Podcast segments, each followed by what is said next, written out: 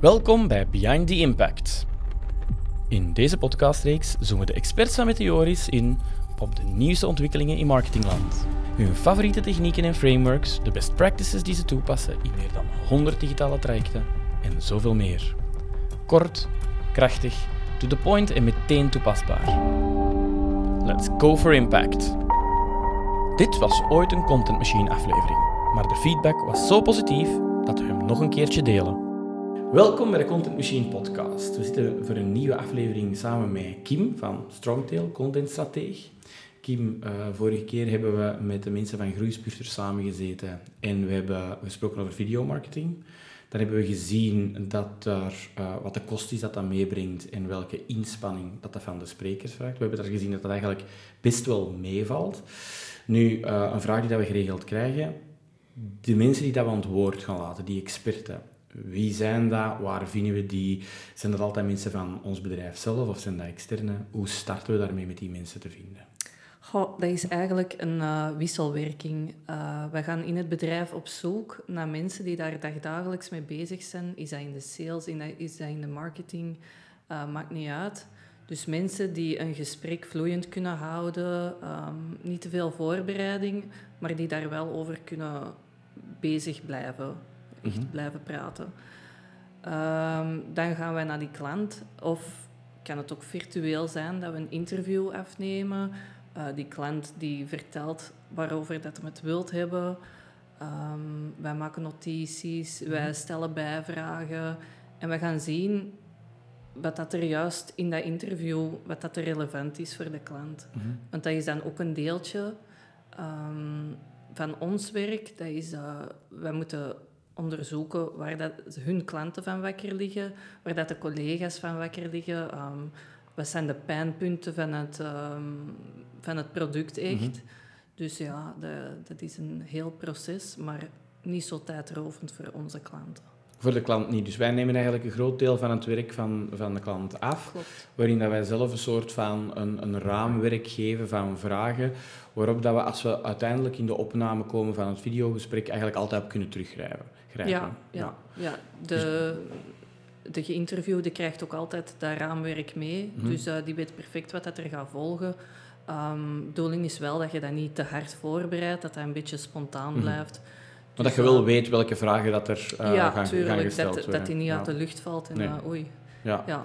ja, want daar zien we wel eens dat iemand al eens begint zo wat te freewheelen in een gesprek en dan gewoon een beetje een andere kant op gaat, wat dat perfect kan. Hè. Uh, de, de, de spreker of de host, mm -hmm. die kan er dan voor zorgen dat aan de hand van dat framework eigenlijk hem terug, um, terug, terug op de basis van het gesprek komt, om ja. altijd zo de vragen ja, ja, die dan moeten beantwoorden. Ja, dat dat toch een beetje uh, organisch gestuurd wordt, maar ja. Oké, okay. ja. okay. en die onderwerpen die halen we dan bij uh, de, de, experten zelf. Hoe, hoe komen we daarbij? Bij welke onderwerpen dat er, daar, dat er kan over gesproken worden? Goh, um, zoals ik zei, we hebben een klantenbevraging. Mm -hmm. um, ja, bestaande klanten of uh, ja, misleads, dat we niet weten waarom dat die hebben afgehaakt, mm -hmm.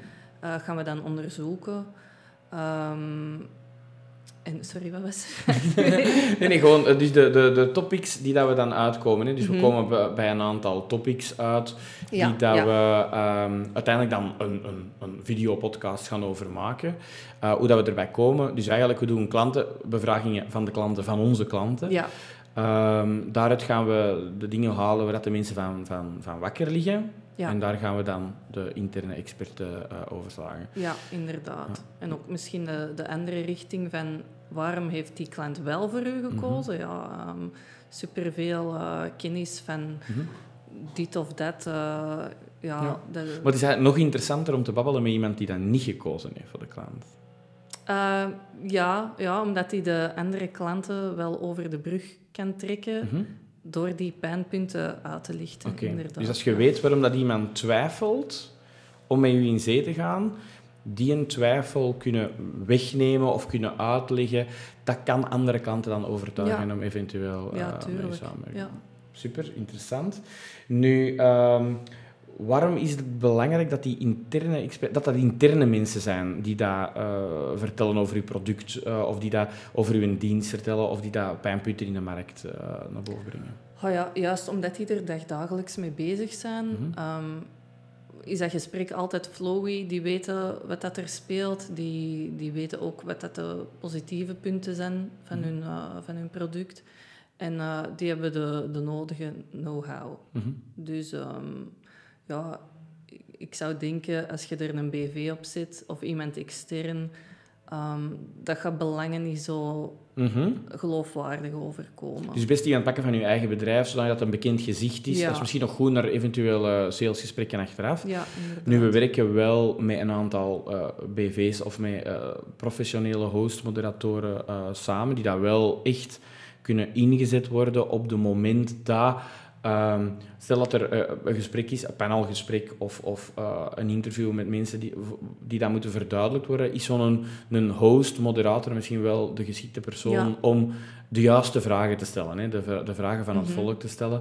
Ehm, en dan is het om ons om gewoon te kiezen van welke moderator past er voor, Ja, voor wie welke heeft eh, het dingen. Wie heeft, ja, wie heeft het meeste voeling mee? Ja. hè? Je, je moet, eh, als het over eh, eh, reizen gaat, hoeft je niemand niet te pakken vanuit de financiële sector. En andersom gaat dat ook, als je iemand van Ja. Vlaanderen vakantieland pakt en je laat die in een financieel gesprek komen, gaat dat ook een beetje als een, een tang op een varken staan. Dus dat gaat zeker en vast... ey, dat is ook belangrijk om te kiezen van hoe ziet zo'n gesprek eruit. We hebben langs de ene kant een, een host. Dat kan iemand intern zijn, een CEO, een, een- iemand die dat goed praat, die dat een bekend gezicht is voor het bedrijf. En dan de interne eh, expert eigenlijk die dat aan het woord komt. Hè. Ja. Ça va. Nu, als je dan de, ehm, de content hebt, hè, dus, dus je hebt het, je, je gesprek gehad, de, eh, de spreker die je gaat beginnen, eh, de, de spreker heeft zijn, zijn sessie opgenomen, eh, je hebt die content, dat wordt verknipt in heel veel stukjes. Nu, we hadden die ook moeten delen. Wat is er voor u hè, als, als content-expert bij ons, wat is de juiste frequentie ongeveer om zo op de feed van mensen te verschijnen? Een juist stramien is zowat twee, drie keer per week. Zo weten de klanten wat ze kunnen verwachten van content één. Mhm. En ten tweede, ehm, zo blijft je ook altijd top of mind bij je klant. Die weet van, ah ja, jij bent er. Jij bent bijvoorbeeld eh, een producent van epileerapparaten. Mhm. Eh, ah ja, mijn epileerapparaat is stuk. Dus ja, Nog geen last van gehad, maar ja, benen. Ja, rondlopen. En ah ja, die, die heeft daar wel heel veel kennis van. Mhm. Hoe dat, dat pijnloos moet, hoe dat... dat ja. Ja, ja, gewoon op het moment dat ze u nodig hebben, dan moeten ze aan u denken. Hè. ja, daar komt het voilà. eigenlijk, ja, daar Ja, komt het eigenlijk en neer, gaat er niet... Als je zo wat sporadisch post, dan gaat er niet komen. Ja, en we hebben ehm, met, in, in de vorige podcast met Alfredo het al eens gehad over het, het Workhorse Channel. Het ene kanaal waarop dat je eh je content gaat posten. Wat is uw idee daarover?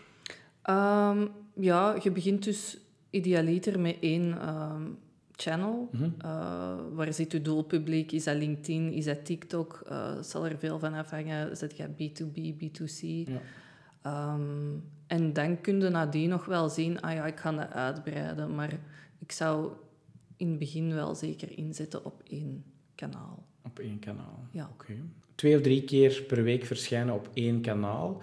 Ik kom weer terug bij de vraag waarom we eigenlijk het gesprek begonnen zijn, want dan zitten we weer met workload.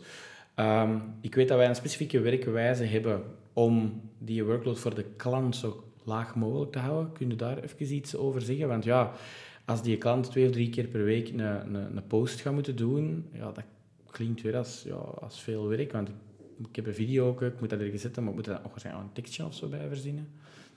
Dat is eigenlijk ook wel... Als je daarmee bezig bent, ehm, dat gaat vlot. Uh, Oké. Je kunt gemakkelijk twee, drie zinnen schrijven over een topic. Mhm. Of wij kunnen dat uit handen nemen en uh, voorbereiden voor jullie. Mhm. Uh, hetzelfde met de, met de snippet zelf, de Mhm. kleine videofragmentjes. Dat kunnen wij ook um, perfect hapklaar Ja. aanleveren um, in een micro-content-kalender. Mhm. Zodat je weet van, ah ja, het is vrijdag, uh, vandaag moet het gaan over Ja. Pijnloos epileren. En eigenlijk moet je dan gewoon, hè, je pakt iets uit een mapje, je sleept dat in je TikTok op of in je LinkedIn of op je Facebook. Ehm, een stukje ad-copy dat al voor u voorgeschreven is, copy-paste Ja. daarin. Je past dat nog een klein beetje aan naar uw stijl Mhm. en je kunt dat eigenlijk eh, redelijk vlot posten. Ja, dat is eigenlijk de bedoeling. Ja, ja, ja. Zodat je zo weinig mogelijk werk hebt eigenlijk. klopt. Ja. Oké, super. Uh, dankjewel Kim uh, voor deze gesprek. En zie je ongetwijfeld nog eens terug. Morgen? voilà, ja, op het werk uiteraard. Dankjewel. Alsjeblieft.